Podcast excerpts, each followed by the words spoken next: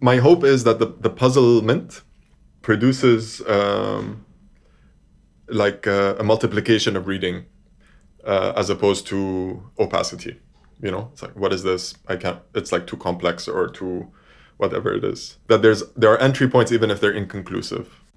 You know, I, if I've been making sculptures for a long time, at some point I'm just like, I think I need to say things in a more clear way or a more straightforward way. And then I'll, you know, get to sort of more research work. And then when I get, there's like a particular punch that I'm trying to land with something. And sometimes, you know, it takes a couple of misses for it to sort of feel like it hit.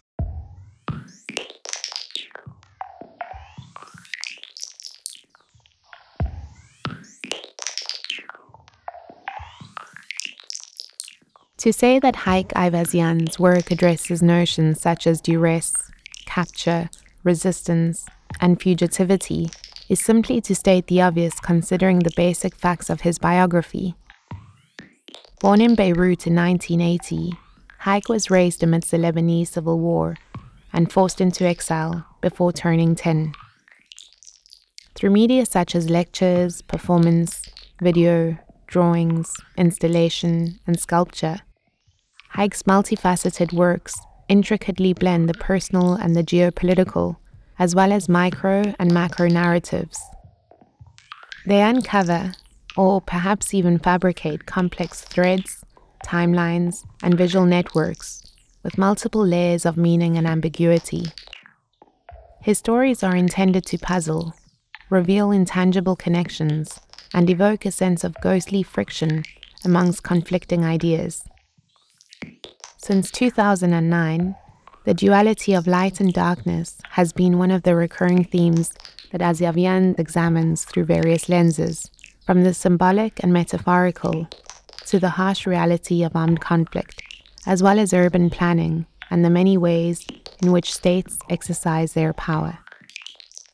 In this podcast, we talk to Haig Aivazian about counter propaganda, sports, blackouts, Palestine, fugitivity, and what he calls the dumping grounds of democracy.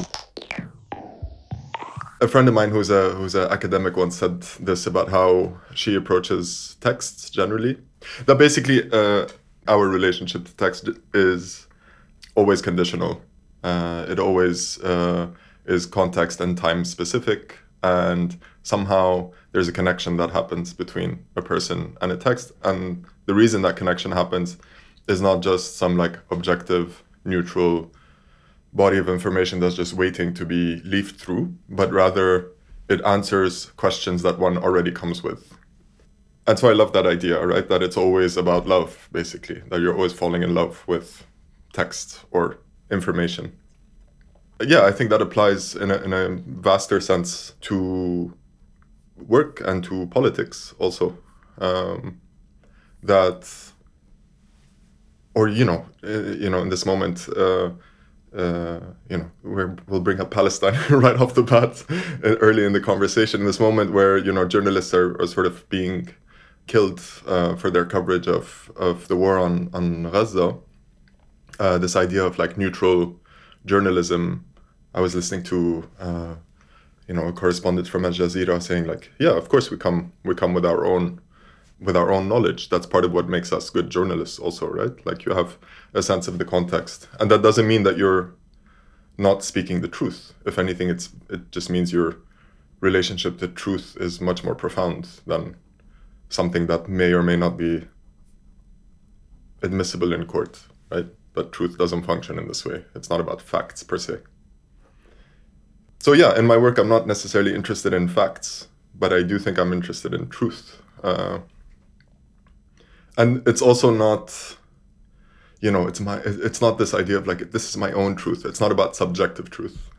It is it is a, a, truth i would say in a kind of yeah again in a profound sense. But that's yeah that's framed according to a different set of values or parameters. So i think yeah the, uh, um, i'm more maybe likely to be invested in um, notions like fugitivity or uh, evading control or evading capture, um, I think yeah, because of my own background, because of the context where I live. You know, it's not about also. It's not like when I say my background, it's not like something that's uh, a nationalism or based on ethnicity necessarily, um, but it's the way in which, uh, yeah, living conditions again frame these notions of what it, why a certain ethnicity would feel charged in a particular way in a particular time, and so on.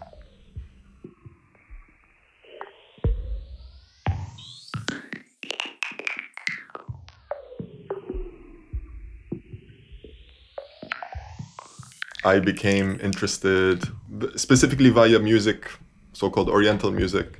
I became interested in um, this kind of double movement of uh, modernity, that it's um, it destroys things or it renews things in a, to put it in a softer way. But in order for that renewal to occur, an erasure needs to happen, right? And that erasure can look many different parts. It can go from as um, Michael Rakowitz would say, it, like from gentrification to genocide, let's say.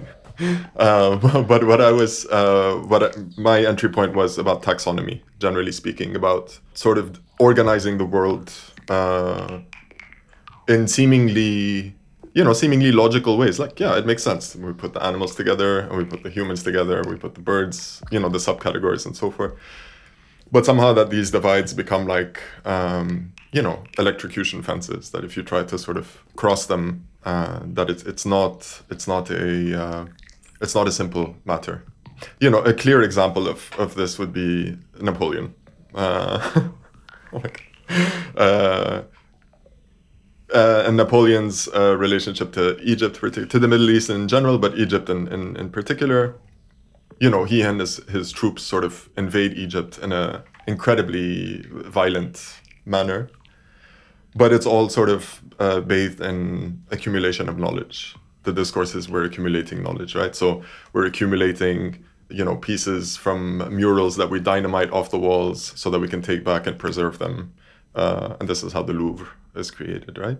So just this one motion, right? Like this thing, it seems important. Let me dynamite it so that I can take it and preserve it in better conditions because you savages clearly don't know the very value of the very thing that you yourself have produced this contradiction is uh, to me you know in this case like historically located but continues to uh, manifest itself continues to today. And then it's like then you know of course it very quickly uh, turns perverse right? So it's like how americans you know decimate uh, the first nations and then they they, they still sort of fetishize their kind of warrior qualities so they name their weapons after them you know like apache helicopters and all this. But you know, Napoleon did similar things where he's just like, oh, this land, it's like beautiful. So he, you know, when he commissions painters to commemorate battles, he sort of sets the scene with the pyramids in the background, even though the battles didn't quite happen there. So he goes there with soldiers, of course, many, but he also goes there with artists, also many, uh, and he goes there with scientists of, of different sorts and they they constitute this like institute, the Institute of Egypt, and they produce this like massive thing called the Description of Egypt, like a neutral term, where they go through a taxonomy of all these different things, so flora and fauna, but also crafts. So one of the reasons why this is also interesting for me is also because it frames the artistic contribution to knowledge production in a way that I also feel is still current today, right? So the relationship of artists to power, knowingly or unknowingly, regardless. You know, Nicolas Conté is like one of the one of the people that is on this uh, on this expedition, and some story about him like inventing the pencil basically uh, because they run out of ink or something, and so he, he you know he invents it from like lead from bullets because that's what's around. You know, we call it the visual arts, and we know that vision is weaponized. Um, and so we can locate it like materially and historically um, and also yeah we can we can sort of analyze it.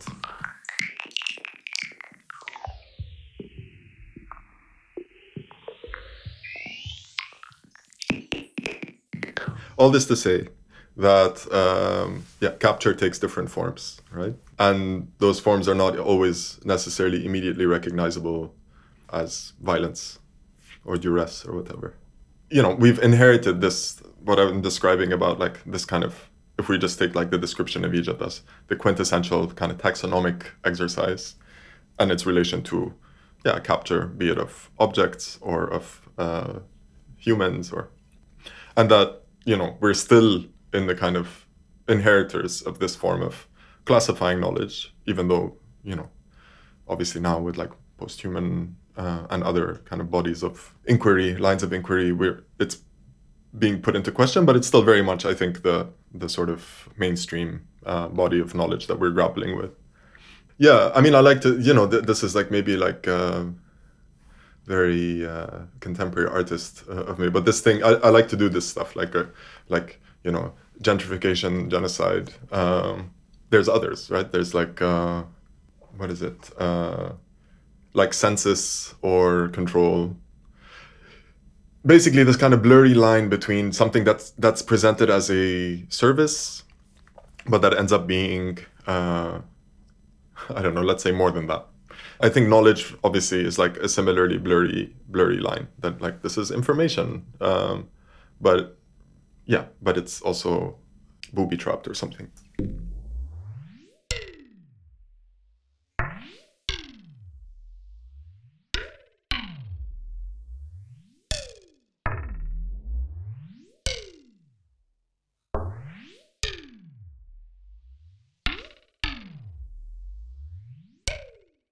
There's like this kind of radical tradition which stems from a necessity and that necessity is still present uh, today. Um, and it's a it's the practice of a collective practice always of a demographic that is under a set of conditions that are brutal. And as far as i see it there, there's like two sort of approaches to to that demographic group one is a kind of futurism. So, like, what would happen if these brutal conditions were to disappear in the future? So, it's like an act of radical imagination, certainly, um, but it imagines an after. And then there's another uh, set of practices that it's about the present, right? We're not waiting for the shit to come down. We're here and we need to, between ourselves, figure out a set of practices where we reclaim our humanity and look for some kind of dignified life. And so I'm a believer in, in those practices. I think that's a form of fugitivity. Um, whereas maybe the futurism is is an escapism. Maybe there's something I don't know. This is I haven't thought about this enough. Um, but yeah, fugitivity from control, um, from death, from uh, from torture, from all kinds of things that um, that are continuously needed to build a so-called democratic society. So there's always a kind of dumping ground, right, of democratic societies that it would either be where people who won't benefit from these democratic values will live, um, or you know, if the, these democratic values are inconvenient within this democratic context, then you know then we will just you know we'll produce things uh, offshore uh, we'll put people in prison we'll close territories off and they won't benefit from uh, democratic um, privileges or whatever. I mean that is democracy. Democracy always has this dumping ground whether internal like prisons ghettos or external like war zones or yeah or uh, sweatshops. Yeah and i think again this is like you can't really talk about uh, fugitivity without um, at least like a, a nod to uh, to Fred Moten. You know, I'm I'm always inspired by Moten and others. Saidiya Hartman also does this like about these. You know, they call them enclosures, and of course they're coming from like the radical black tradition. So that enclosure, generally speaking, is is the field, and this idea of escape is it's much more complex than just kind of, you know, getting out and breaking out not that breaking out is not complex. But yeah it, it's like it's a lifelong practice. You're always on the move. You know it's not like you get out of one and then you recreate conditions. So again to come back to palestine which i think we'll do a lot um, you know if the if the struggle for palestine is to end up with another arab state like the way the ones that we have you know, let's give up now, right?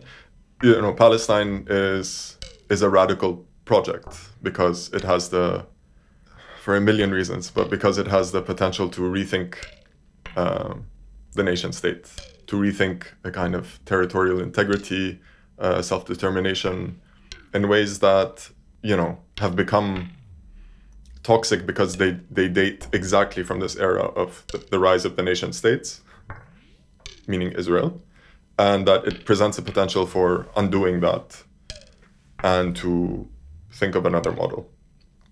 At least theoretically speaking, that's that's one of the million things that make the Palestine question a highly potent and a highly important one. Fugitivity is is a is a continuous practice, right? So so the liberation is is like step one, and that's just the beginning but you know it's an important beginning. So we don't have to have it all figured out before liberation. We can liberate and then figure it out also.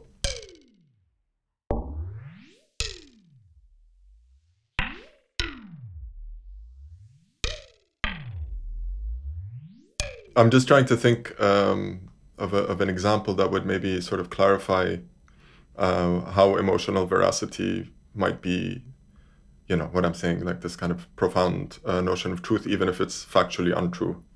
You know let's say you're in a a protest and you've been it's been like weeks that you're on a daily basis going on the street and then you're in confrontations with the police and then you know there's a total distrust of this kind of uh, you know force that's in front of you because they do you know tricky things let's say. You know they make traps you know they they, they sort of they tell protesters move this way if you're not you know trying to uh, have confrontations with the police but then they trap them there let's say. And then you know on a day where nothing's happening so- somehow like a rumor starts circulating among the protesters where they say like you know police are coming with uh, i don't know dogs. And it's not true. It's factually not true but the fact that such a rumor originates circulates and sort of spreads like wildfire, there's a reason why there's potency in that possibility. And you can have multiple readings of that. One reading you, you might have is like some kind of trauma, right? That like you because you know the, the the sort of entity that you're facing and you know what they're capable of based on what you know in your body because you've experienced it before. And the fear of that repeating and that being so believable that it spreads without being able to verify it. Yeah, that's not a fact, but there's something to be. If you're trying to understand the psyche of this situation, that's something that you need to take seriously and you need to have understanding of that. Yeah, so that's one way I would say it. And the other, I would say, back to Palestine, this sort of like media war, right? This propaganda war where you like fabricate evidence or you show evidence, this and that. I mean, I don't know how much of this uh, stuff uh, circulates in various European settings, but yesterday, yesterday in Al Shifa Hospital, uh, but many times before, where these like very poorly constructed kind of propaganda photo ops, or the bombing of the the Mahmadani Hospital a few weeks ago, where they were just like, "Oh, this isn't us. This is uh, Hamas." Whereas like we know that that's not true but like basically how it occupies the news cycle just long enough for us to move on to something else. But then there's like a sea of activists people uh, on site journalists who are doing this research and analyzing the sound and then they come back two days later and s- present all of these facts that debunk these claims. And of course they get no play on the news right? I'm not saying that this work is not absolutely important to uncover truths. But again, I think somehow it's like a, it's a trap. Um, so you don't counter fake news with uh, with real facts. You counter fake news with like, you know, some like sly counter propaganda. You know, where you just say, where you just come up with uh, things that uh, that resonate, that um, motivate, that energize, that that fight, fight off this thing. So it's not like it's not this kind of polite like uh, we're gonna stick to the kind of ethical rules and play the game the, the way that it should be played. They lie, we tell the truth. I don't think that's how it works. And so this notion of propaganda um, is very important for me as a as a driver for why I make work also. And again, I it, it's not it's not propaganda as in like you know fabricating lies. Uh, it's just uh, yeah, I want to make uh, things compelling and I want to make things uh, felt more so even necessarily than you know known. And I think in some ways this also relates back to this thing of like trying to find ways out of a a moment of duress that we if we're all kind of coming together and energizing one another by proliferating these let's call them stories um, that that as a practice as opposed to facing the enemy this kind of obsession with what the enemy is saying so that we can counter it i you know and again there's an importance to that but a second way of uh, you know an, an additional way of doing it is to look for one another see how we can energize one another figure out a practice or a set of practices where we can also within this condition of duress energize each other. So i think about this a lot when i think about friends who are in berlin let's say um, trying to do a basic kind of basic activism for something that should be a no-brainer uh, but it's like this kind of like onslaught constantly. How do we preserve ourselves in, in, in this kind of condition? Because activism is exhausting and it, it can also be uh, it can also be very dangerous obviously. Um, i used to think of, of, of this in my work as like some some rendering visible of like a hidden infrastructure of violence or something that these connections seem speculative but in fact they're they're already there uh, and i do think they're already there. But yeah again this idea of like revealing hidden infrastructures or hidden truths that somehow that's what that's what artists do or should strive to do i have questions about nowadays. Um, i mean one of the reasons is this mode of rather than to think about you know monitoring the, the enemy so that we can you know counter the their their mistruths uh, to look within and to to to look for practices that are generative for us. Um, and the other reason is because even if we were to do that even if we were to make things visible uh, clearly that's not enough right? So uh, in in the situation of of um, of Israel you know all of this work is being done to to sort of like uh, expose their lies in very clear very blatant ways. Um, but clearly that's not the battle. It's not about whether people know or not the battle is elsewhere. In fact you know with a regime that's like israel that's predicated sometimes on making their the violence that they exercise on palestinian bodies extremely visible as a form of violence in and of itself the visibility of it being the form of violence in and of itself. And then you come and say like shame on you you're doing this thing. They're just like yeah yeah that's what we're doing.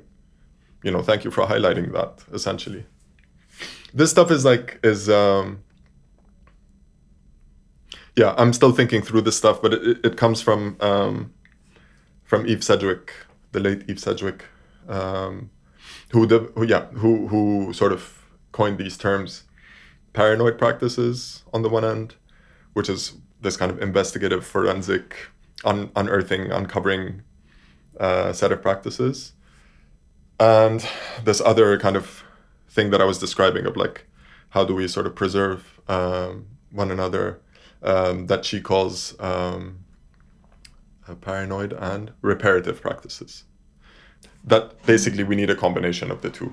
This kind of um, forensic work needs to be done uh, in case someday there's a tribunal that is fair. And in the meantime, in the present condition, not the future condition, how do we survive this? And how do we survive it with with joy and with humor?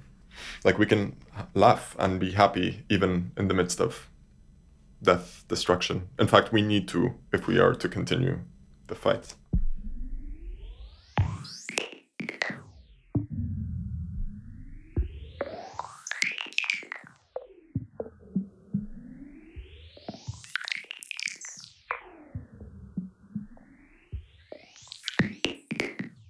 You know, you're mentioning these this kind of like uh, imagery that I that I seem to use when I'm trying to describe uh, certain things. I guess analogies or whatever. Um, and I think you know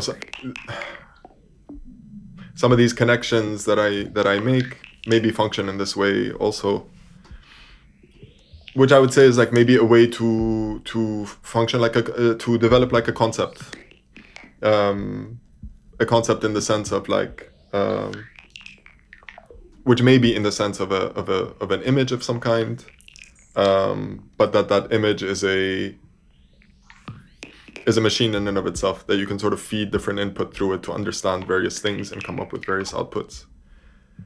Um, and so you know, because it, somewhere this sort of associative logic is also quite widespread in the in the art world, right? Like um, that we do these kind of like lateral connections between things, and um, that we never sort of dig within these like nodes. We just kind of do the crab walk uh, back and forth, but we're, we don't necessarily go into that because I guess some kind of belief that yeah, the infrastructure is kind of on this level, um, and to navigate the various sort of nodes of this infrastructure is enough to clarify something.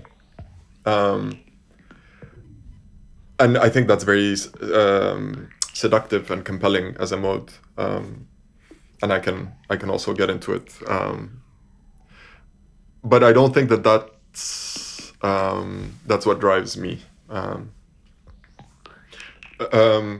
so one reason why uh, I look for these connections is to have a understanding on some other level, right? So, again, if we think of of these connections as like some attempt at a concept, and that concept being maybe in the form of an image of some kind, um, then yeah, what does it mean to kind of connect these things, and what understanding does it bring us, right?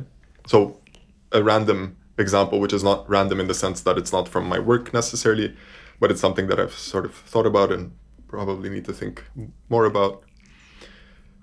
Um, when I think about, uh, you may know in 2020, in August, on August 4th, 2020, in Lebanon, uh, there was an explosion at the in the port, which basically, I mean, I could say a lot of things about it, but let's just say that it, it radically changed Beirut, uh, probably irreversibly. Um, and uh, for good reason, there's been a flurry of forensic, um, investigative uh, looks into this explosion. Some excellent uh, work in journalism um, that, you know, for us as uh, the inhabitants of the city, um, brought a lot of understanding of what happened in the port. Because obviously, you know the no member of the regime was going to give any kind of clarification because they're all involved in, in, in one way or another. They're all complicit. So one of the threads that sort of emerges from this is that um, that the ammonium the, the massive amounts of ammonium nitrate that were stored there for i think 13 years or something in completely neg- neglectful conditions, which is what exploded, uh, that those were in transit on their way to the Bashar uh, al Assad regime in Syria in order for them to fabricate the famous barrel bombs that they dropped on over and over again on their own population. And so one one sort of in a conversation with a friend, you know, saying like, yeah, like what is that connection? between something that you know was such a marker uh, for life in Beirut or the impossibility of life in Beirut uh, and what's happening next door uh, in Syria, you know, in an uprising that turned into a bloody civil war. Like, so one way we can we can think about it is like, and this is where sort of poetics maybe become useful, um, and I think I only believe in useful poetics, um, that they, they can make these kinds of connections uh, resonant, right? That what does it mean to have the kind of like uh, waves of an explosion travel through your body uh, that is a similar uh, a similar traveling through bodies in in this case Syria, right? What does it mean to be an exploded people, let's say?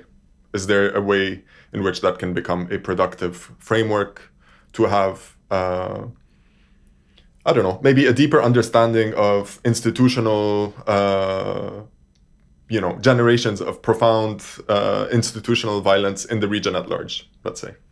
And from that, from that kind of like poetic, let's say, image, very quickly you you you're in a kind of uh, a very real, very material sort of uh, mapping. So very quickly you end up seeing that some of these oligarchs that run the country in Lebanon are tied to the oligarchs that uh, you know run the country uh, in Syria. Very quickly, you see that you know they they they make mergers of like little kind of uh, businesses that are ways to funnel money, etc. So, yeah, I don't know. Um, yeah, just to say that these connections are not are not just kind of like for the thrill of this kind of titillation of seeing similarities between things that uh, I'm only interested in the connections that uh, are able to be a yeah, conductor uh, of um,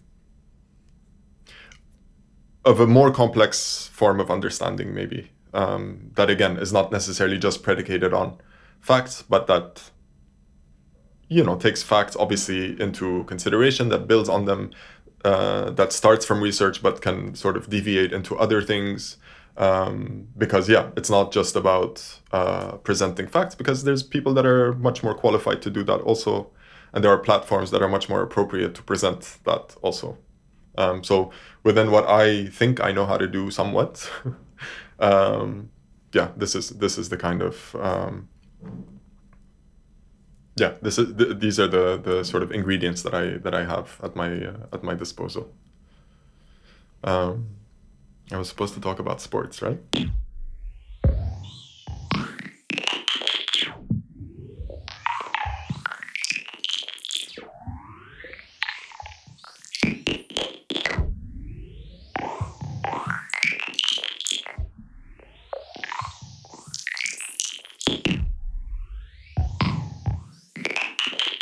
part of the reason why the, the, the work can be um, multifaceted comes from uh, I think my my own satisfaction or lack of satisfaction, right?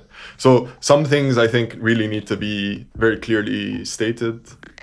You know, the, the lecture performances, for example, are usually discursive in a in a and and the research the relationship of the research to the kind of final output is maybe like closer um, as a kind of um, medium or as a kind of mode of address, it embodies propaganda or certainly kind of authority in a particular way.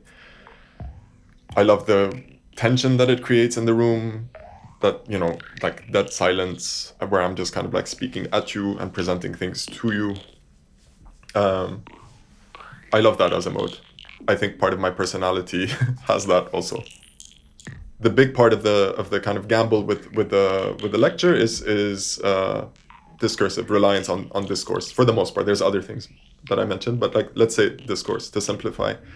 And then some of these other films that i've been working on where you know it stems from the same research and makes maybe connections in somewhat similar ways but without necessarily me narrating or me making sense of it you know that that the kind of connections there's not uh, you know me behind the connection sort of saying like just you know you know there's less hand holding in a way but there's also a reliance on other factors um, which are also uh, exciting to me. And one of those factors could be rhythm. Uh, another could be resolution of image right? Orientation of image. The sort of texture of images whether it's pixelated grainy.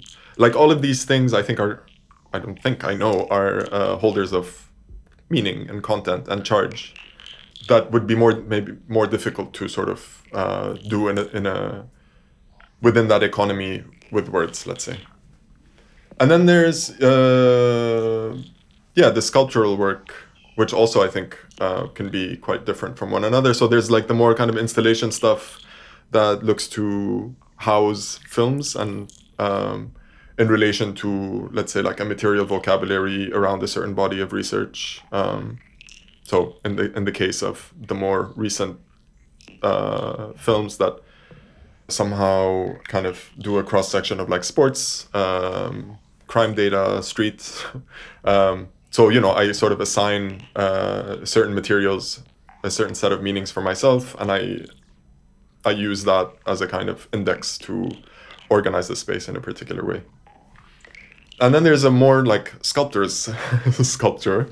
Again, I always sort of want to come back to I guess desire as a as a driver, right? Like I love uh, sculpture, generally speaking. I love materials. I love exploring them. I love working with craftspeople, and I think that's valid to just that in and of itself. But it again has to do, I think, with identifying other areas or other modes which these other these previous modes that I just described somehow don't do. So yeah, moving through space, I think has profound uh, reverberations. Working with bodies of knowledge, whether they're embodied by whoever the custodian might be, right? So in the case of music, to work with instrument makers who have inherited their knowledge from masters that will transmit it to students, and to sort of you know even be a fly on the wall to sort of observe that transaction or to navigate it for like a brief thing yeah that's meaningful to me personally uh, and i also think that's a it embodies it, it inhabits the work somehow. So that's also in the same way as i was talking about like the texture or orientation of images having content. I believe that that has content in and of itself. So in the case of music and instrument makers but also some of these sculptures that i worked with various craftspeople in marrakesh uh, particularly uh, I mean, it's an incredible privilege to be able to navigate these things, to be able to go and spend time in these places. So that's a whole other story, that, which I'm of course like grateful for, as a way of learning, learning to make and learning new new sort of combinations of materials.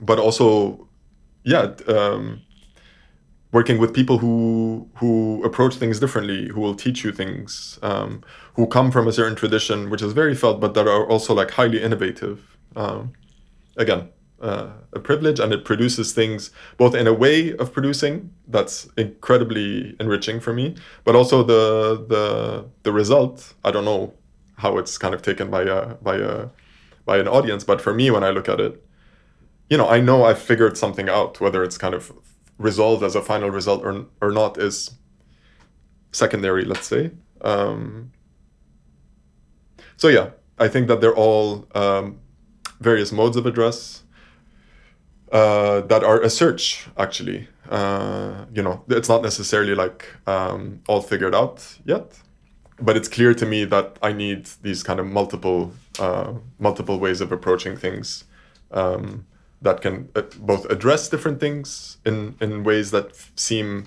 more appropriate for the particular things that i'm seeking to address.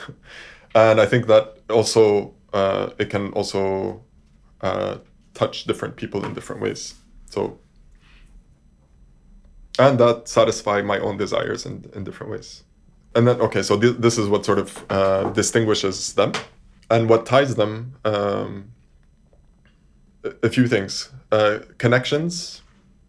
Uh, and in the case of uh, sculpture, you know, seams or uh, or figuring out how to make um, two different materials kind of stick, and also, yeah, found objects in and of themselves or found materials in and of themselves but i also think of the tradition of crafts that that the that the production comes from as also a kind of found object let's say without any derision in the matter.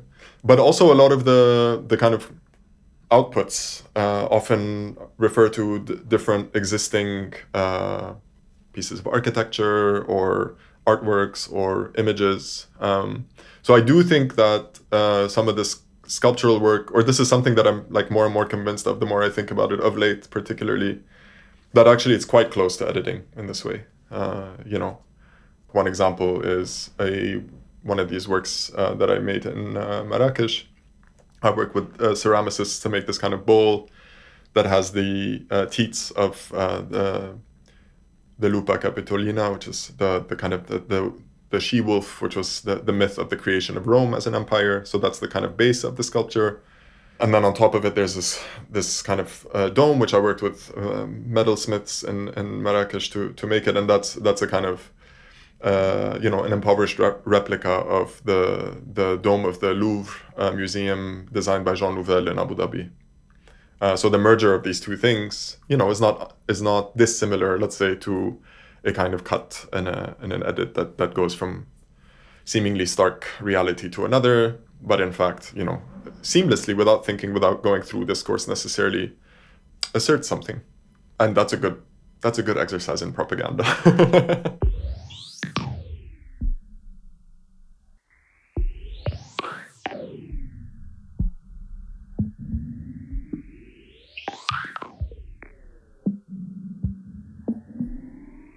I mean, in some way, I guess at least since 2009, I've been looking into, I've been working on um, the uses of light um, and the uses of darkness on a kind of level of exercising of power, be it the police, the state at large, uh, urban planning, but also the thing that I find so compelling about these elements, light and dark, uh, is that they have been through so many centuries constructed with a whole set of values, um, with a whole set of imaginations, imagings. Um, and so they're just extremely potent, again, from this kind of like structural violence to dreams.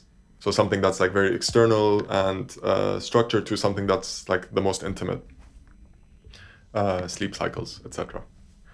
And if I look at light, uh, particularly it's also this kind of object that uh, stacks so many different things right? So vision in and of itself. But also the yeah the history of cinema and proto cinema the kind of division of domestic and public space. Forms of labor often indentured labor uh, often unrecorded uh, domestic labor slavery it also uh, is able to talk about a certain kind of um, extractive labor or extractive logic, an economic extractive logic uh, of a complex relationship with animals and extracting from animals, also in the case of the whale, uh, whale oil, etc. All this to say that, that, that I'm interested in these elements because they can do a lot in, in um, and and because they cut across these modes of address that I was mentioning, so from poetic to ana- analytical to storytelling to historical and so forth. More specifically, the magic lantern within this history, uh, in a in a much more kind of um, you know limited and contained way, also activates many histories. Uh, so one is the history of cinema, the history of animation, but also threads, historical threads of colonialism that you know a lot of a lot of uh, Magic Lantern shows consisted in people going to the colonies, uh, documenting in some way, and then coming back and kind of you know doing show and tell, and some kind of history of like uh, necrophilia in some way, right? That that uh, it very quickly becomes these these show and tells become more elaborate as as the the kind of machine develops a little bit as uh, as the source of light evolves also from candle to light bulb. I mean, it goes until electricity. So the projections get bigger, they get brighter. And yeah, there's this thing of like constructing this apparatus of storytelling uh, where you can kind of conjure ghosts and scare people. Uh, and so you know they multiply the lenses, so so the light source uh, shifts. Uh, the movement of the of the different slides, you know, from just like single uh, steady uh, slides to like two where one kind of covers up certain parts and uncovers them or two circular ones that rotate in different directions to make these kind of like you know abstract patterns and so forth. But then also external things like curtains uh, and like uh, screens that uh, create sort of like hologram effects smoke machines etc and alongside that there's also a development of darkness as a technology and and with these two, it's about also um, guiding attention in a particular way, right? So guiding where you're supposed to be looking. So we go from let's say, you know, this is related to stages uh, as separating the performer from uh, from the audience. You know, creating this kind of like more singular, uh, exceptional figure that's separate from the masses. Whereas like uh, the opera used to be like a brightly lit space where people would talk and maybe eat even as they're watching. Uh, so it becomes also about like rendering uh, spectatorship more docile, right? So be quiet, uh, sit upright, uh, look where you're supposed to be looking, and so forth. And so this latest film, which is the first episode of what I'm imagining will be a four-part miniseries uh, called "You May Own the Lanterns, but We Have the Light," is a is a cartoon. Is a cartoon that's that I made uh, with some collaborators, uh, mainly a head animator uh, who's in uh, Beirut named Shadion. And it's another it's a found footage film. So I, I make the kind of first edit with found cartoons. It just happens to be cartoons exclusively in this, which I then sort of redraw in order to have things make more sense within the kind of narrative construct. And the narrative is quite simple for this first episode, at least. Um, it's about a young man and a woman in a city that's uh, plunged in darkness that are getting ready to go out uh, with friends, have drinks, and dance. And they, before they go out, they check on a younger uh, girl that's asleep, and they check on her and uh, assess that she'll she's asleep and she'll be fine, and they head out. And so the film just kind of goes back and forth between their night, you know, uh, getting increasingly more fun and sort of partying, and then uh, the girl's dreams becoming more and more tempestuous. So she dreams of, uh, of ghosts and skeletons and things coming out of the earth or uh, tombs or whatever. But that somehow those figures uh, of darkness are are on her side. That it's not it's not uh, it's terrifying, but at least that's how I want to construct the narrative going going forward. That somehow uh, the dead are on our side. Yeah, I mean the title of the of the of the work is based on uh, this other um, slogan, I guess, which I've read uh, assigned to two, in my view, quite different sources, but the quote is the same, and that is, "You may own the watches, but we have the time," and uh, and it's been assigned to the Taliban. Um, but I've also read it being assigned to uh, a decolonial fighter in uh, New Caledonia, so within the kind of French colonial context, which is a more palatable reference for me.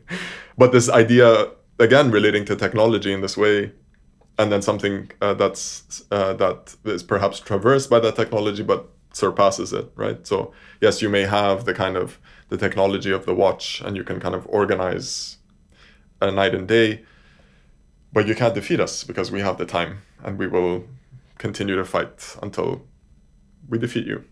So yeah, I, I, I did a kind of a transposition onto an apparatus that produces light and then a much more uh, essential notion of light, whatever value you may assign to it. So there's the thing that's produced. So there's this kind of the film in and of itself. I really am trying to develop ways of uh, the making of the film um, which relates back to this um, thing that I was saying of like reparative practices. Uh, that regardless of what ends up the the output, the way of making. Um, so in a way, I want the film to be a kind of uh, an ode to Beirut. So in Beirut, uh, for the last four or five years, people, I mean, always, I guess, but in a particularly pronounced way, in the last four or five years, people have just been leaving uh, so there's a real sort of exodus.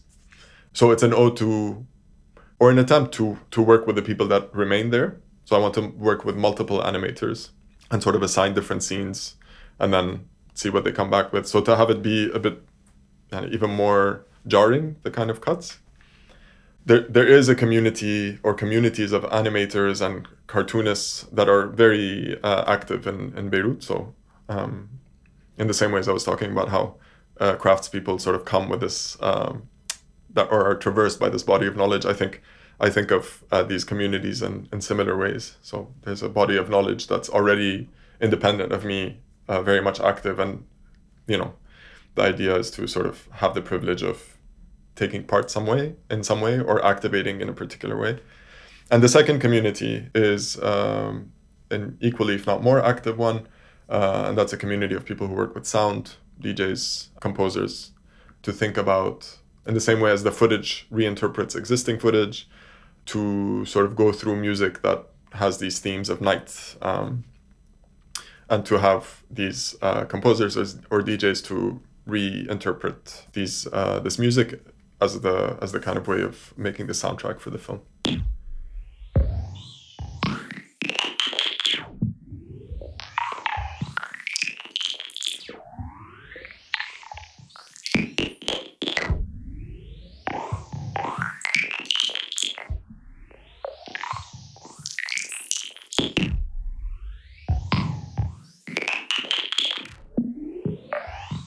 I was saying uh, about the film that it's it's based in a in a in a city that's plunged in in darkness, um, and it's very clearly for me at least a film about Beirut, uh, which is a city plunged in darkness, and it has been a city plunged in scheduled darkness my entire life.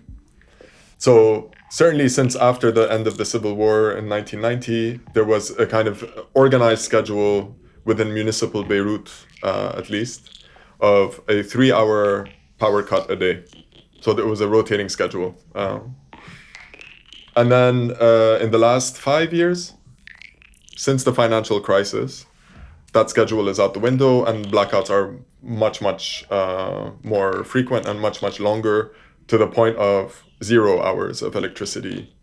But the fact that there has been uh, blackouts for so many decades has also produced a, a cartel of generator owners. Uh, I don't know. There was a time in my house, for example, uh, electricity, state or generator, it all ended at 9 p.m. And then it came back on 11 a.m. the next day, right? So even when you're paying double bills, you either completely reorganize your life, completely reorganize your sleep cycles, but also a million other things. So this again, this kind of scale of like uh, infrastructure to the most intimate uh, part of your daily life? Again sleep or even showering because you need like the water pressure which is whatever. Again we're i'm i'm already coming to gaza in my head but let's just stay in beirut for a while. So in addition to these things for people who are maybe better off than me or maybe just simply cannot uh, stay without electricity because they're uh, they have a I don't know an oxygen machine. They're sick. They're old. Whatever it is, those who are able to then invest more will then on top of those two bills either you know there's now a boom of uh, solar uh, panels so they will invest in a solar panel or solar solar sort of infrastructure because it requires more than one panel and it requires batteries and so forth or there are these like UPS uh, battery systems which charge when there is electricity, but when it cuts, it can keep small things running for a while longer. I know so much more than I used to about electricity, about plumbing, about changing the gas, uh, about uh, you know the the where the water is stored when the water cuts. What's you know like the, just the the infrastructure, the invisibilized infrastructure of yeah, what what maintains normalcy in life, like um, so there's a, a kind of level of savviness that you you you just have to you have to acquire unless you can afford to pay someone to acquire it for you, right? And there's also uh, things that end up being innovations in this way, um, or applications at least in this way, that are, for me at least, not not even sort of I don't even think about it, right? So so we talked about electricity, but water cuts are also a very real thing. Access to uh, water in Beirut is also a real thing. So some of the buildings uh, don't rely on the state uh, getting them water because they have wells. And a lot of the properties that are, or a lot of the buildings that are close to the coast, because of the levels of water decreasing, the wells are often filled with uh, seawater. So it's a very common question to ask when you're looking to rent a place in Beirut. You know, like here, I guess people check for the water pressure and this kind of stuff. We check for those things there as well. But you also check or ask like whether the water is salty or not. Anyway, so uh, because of the also the water cuts, um, there's also a kind of cartel of people who provide water with questionable quality.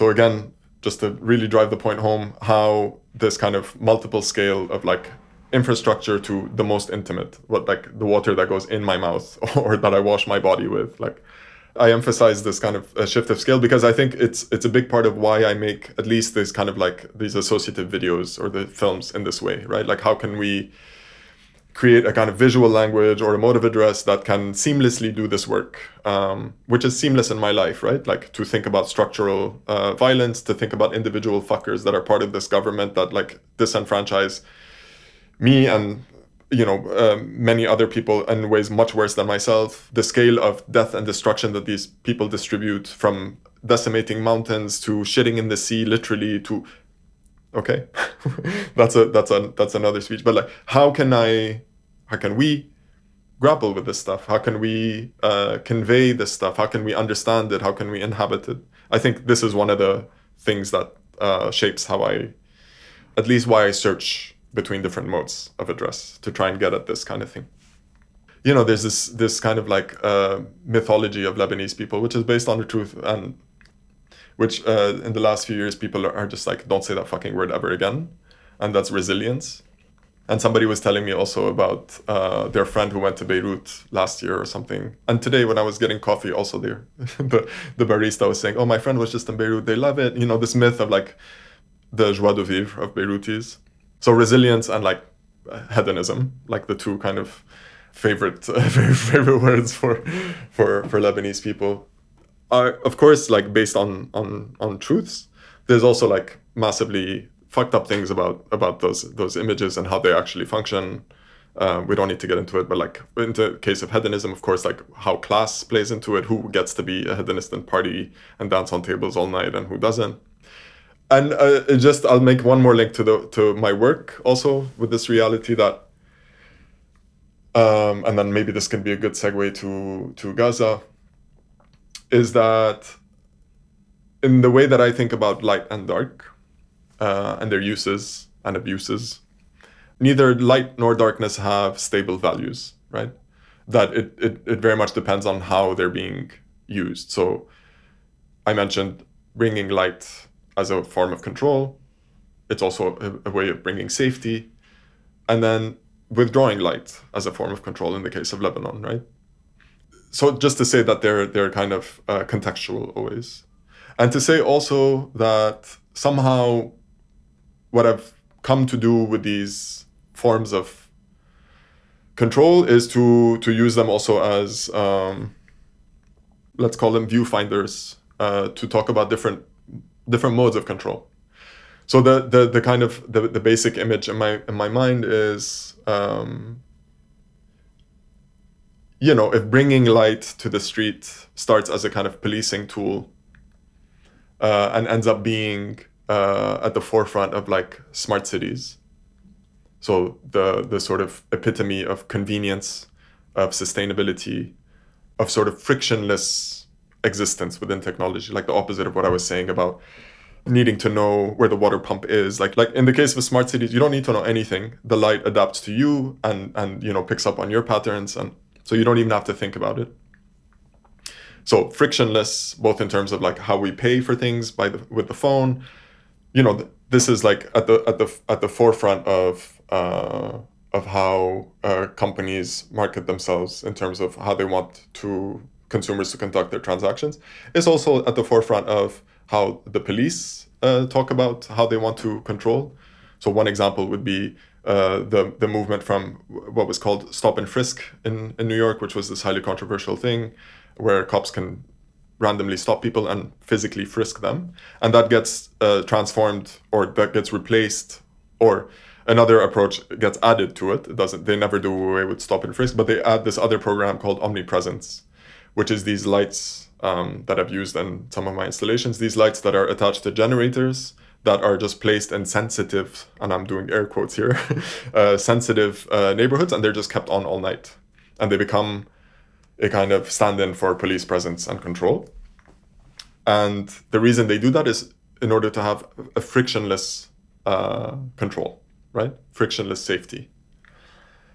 So that would be the kind of like neoliberal model of control, uh, control via uh, services via convenience. And then there's the other model, which is, I would say, Beirut, which is all about friction. And it's all about uh, inconvenience. And, and it's rough and everything is visible. And yet, these are both highly neoliberal products. They're one and the same. So, I guess one of the things, again, to come back to this mode of editing or the mode of address is like, okay, well, how do I find the language to sort of make this, do this work, right? And if you look at Gaza today, and if you look at this myth of Israel as the startup nation, as the kind of like, you know, uh, Silicon Valley in the middle of the desert, as this highly innovative, uh, against all odds nation that somehow uh, made it and that's at the forefront of most tech that we that we have in our lives in one way or another. Um, and to come back to this notion of like, you know, the only the beacon of democracy in the Middle East where there are no other democracies except for Israel and this notion of extra democratic territories or enclosures where that democracy doesn't apply. It's right there, right? Like, I mean, we're talking about Gaza. There's other enclosures in Israel where democracy doesn't apply, including Israel in and of itself and its Arab population. But let's leave that for now. And so, Israel as like Silicon Valley, so at the forefront of like frictionless uh, this, this, and that, and what they do to Gaza, right? So, to the cutting off of water and of electricity as a mode of sure control but i think that's the least of our worries it's really as a mode of like distributing death in a, in a maximal way and then you know i try to sort of despite the kind of high levels of i mean profound fucking sadness and rage that like is lodged in my throat on a daily basis regardless that's personal um, I still try and say like, okay, well, let me let me see if I can look at this some, in some other way. Surely they're not just like looking to exterminate people. I mean, there's many stories, but like again, the the Shifa hospital, where they've been bombing it, and they know there's like thousands of, of refugees there. They've made it impossible for them to function in any way normally. They're doing operations without anesthesia, etc., etc. We've heard the stories, I assume. Um, and still they go because they, there's like they're they're trying to convince us there's like that Hamas functions out of there. They do this like Mickey Mouse fucking like show and tell, which proves of course nothing other than how ludicrous this whole thing is, and it also proves that there's no other reason bomb hospitals to invade them, to to prevent medical uh, aid uh, from arriving, from all of these things, other than condemning uh, millions of people to death. This is, and has always been, as a Zionist project, has been predicated on uh, extermination. And so these are not, again, you know, um, kind of bombastic statements. There are material things that any any person who's like has a m- modicum of seriousness when they look at information will come to this conclusion. This is not complicated, and I'm again doing air quotes here. It's not even complex. I mean, again, if you look at the propaganda that they're producing, it's not complex. And yet, we're seeing on a mass scale people having to, I guess, walk on eggshells and also censor themselves and also being prevented from pointing to the very obvious in very repressive ways by Western standards. And again it comes back to napoleon. You know this like these uh, regimes that want to give us lessons in civilization when they are drenched in savagery and this like this kind of uh, and you know and and and they want to uh, offload and export their uh, shameful history of anti-Semitism onto a people that don't have that history. I'm not saying there's no anti Semitism in the Middle East, but it's not that same history, not by a long shot. And if you follow uh, any of uh, Hamas's language, uh, or any of the news sources from, from the Middle East, or any of the activists from Palestine, even under the bombs, as they're just like live uh, documenting things, because they have to convince the fucking world that they're actually human. I mean, literally, that's what they're asked to do you know? They have to perform their humanity on camera even under under the most they're terrified their voice is shaking and they still say the zionist bombs you know they're very precise about where the front is about what they're fighting right and why they're fighting. So they call them zionists they call them the occupation forces or they call them the enemy forces right? It's very rare that you hear any allusion to judaism. This is despite the fact that the only entity and people who have collapsed those two notions of Zionism and Judaism are Israel, the United States, and the West, right? But this thing of like, I guess I'll, I'll just try and link it back to the work because I guess that's what we're here to talk about. Um, you know, it, when I first started doing research into light and dark, um, light and darkness, like the the new like the sources that I was finding, it was just like uh, laden with uh, metaphors, right? It's very difficult to get past like shedding light on like the. So at, at some point in my mind, I was just like, I'm okay. It's not. This is not a metaphor. This is very much like an object of inquiry. I'm actually interested in light in and of itself, etc., etc. But the metaphor is inescapable, and is equally an object of inquiry, because it it goes hand in hand. So when Netanyahu says, We are the people of light, and these are the people of darkness, in conjunction with materially cutting off power and keeping them in darkness so that the only illumination that you see if you see this night bombing footage is the city coming alight under the fucking fire of bombs or their flares so that they can find something.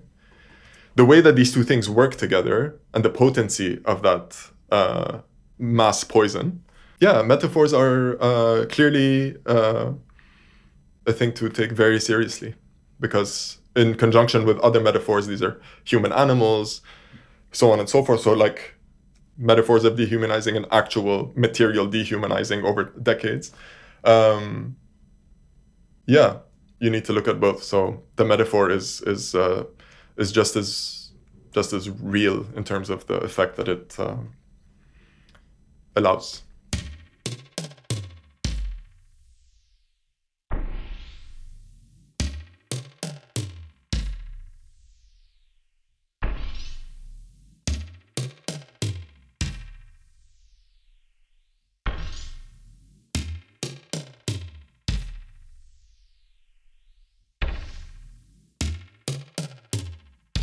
I mean, I'm interested in this stuff from from, from a couple of different angles. Uh, one is the ability of data to produce uh, subjects, so it doesn't just affect us as previously stable subjects that then become uh, whatever partitioned, um, disfigured or whatever, uh, but that it, it produces us also. So it's not just a separate thing that's like that then you know runs off on its own, but we somehow stay integral or intact, right? There's no returning to, and I'm not sure there was ever a a, a stable subject. Um, and often, never from the onset of a project, but often I end up finding myself doing this kind of like going from an archaic technology and somehow landing at you know so whether that archaic uh, technology is uh, you know fire to get to uh, smart bombs,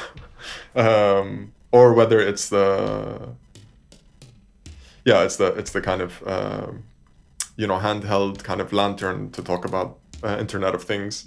And so one of the, the things that, that, that I think are uh, uh, that I think interests me in, in this ability of um, algorithms to to produce subjects based on market law, et cetera, et cetera, is that um, law functions that way also.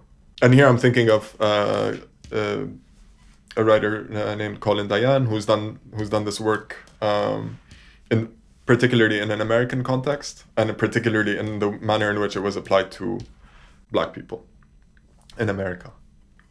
And the the ways in which the law, which is supposed to be this kind of uh, you know objective uh, scientific uh, corpus, has always had in it an obsession with magic and ghosts uh, metamorphosis that in order to create the subjects that it needed in order to exercise itself upon it these kinds of metamorphoses were were necessary and not just necessary as um, a kind of backdrop, but necessary as something that ends up being codified in law.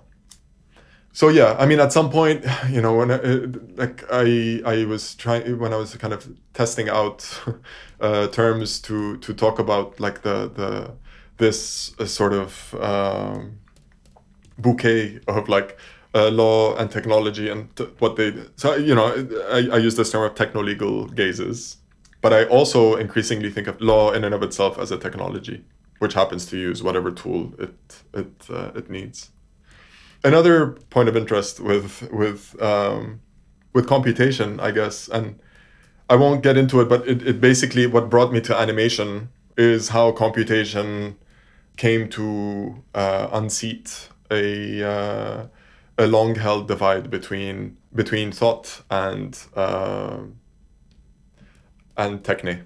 So uh, between reason and the tools to make that the tools to make are inanimate things that are in the service of reason and computation as a tool, but also as a form of intelligence has rendered this divide obsolete and that it's rendered the shaping of many things bypass reason.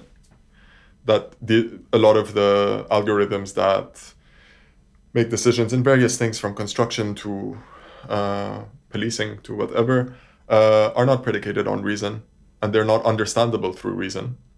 You'll not open up the black box of the algorithm and figure out through cognition what happened. That's just not how it works. It's, it's computation is not cognition in this way right? And so this notion of animism which if we go back to what we were talking about taxonomies and I, what I was saying, these electrified fences between each category of things, what is considered animate, what is considered inanimate, and animism being very much this historically presented as this confusion between what is animate and what is inanimate, which only savages are confused about this stuff. Us enlightened Westerners will uh, bring civilization to these animistic societies.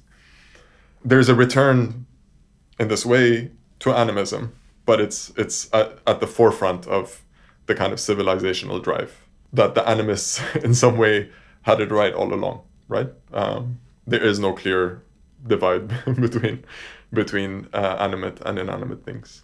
And that in fact when we talk about smart cities or the internet of things it's these are or cybernetic structures generally speaking these are uh, ways in which all components um, of whatever social construct, a city or whatever it is, are turned to information, are turned to values so that they can better be more efficiently, more uh, frictionlessly organized uh, as constant motion within within a city. How do you put in circulation, in in in friction, in proximity, uh, things that have such disparate natures, essences, from people to cars to weather to electricity?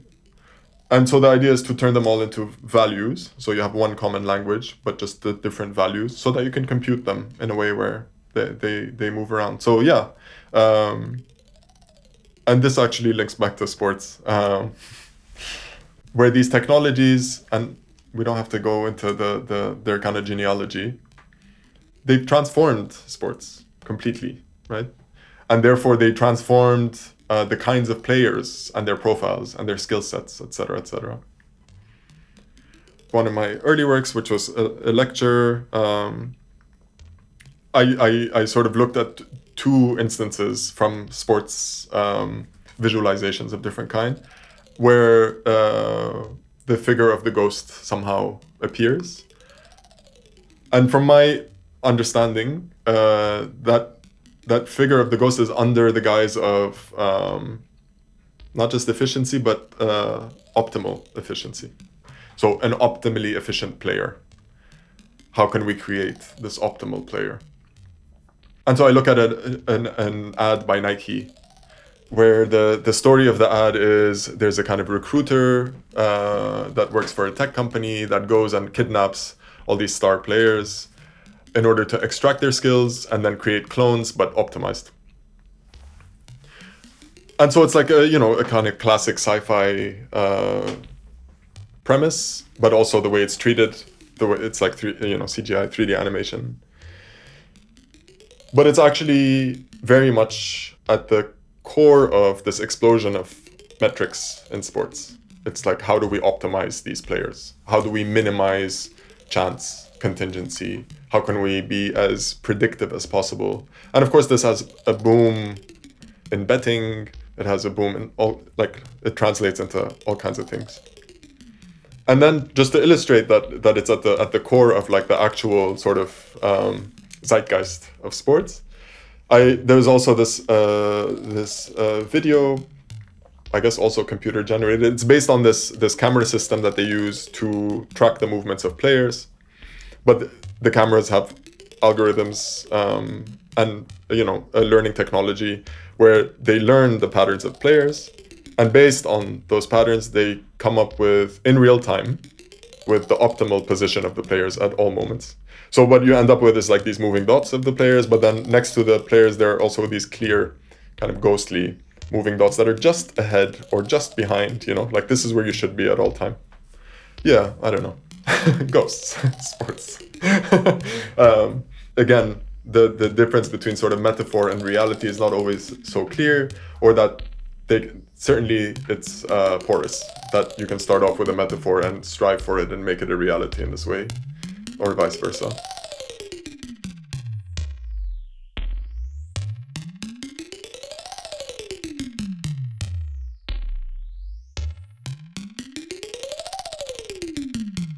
you know, I've been making work about more focusing on the administration of light. And I think uh, this cartoon is maybe more specifically about darkness or the beginning of, you know, more attention towards uh, darkness.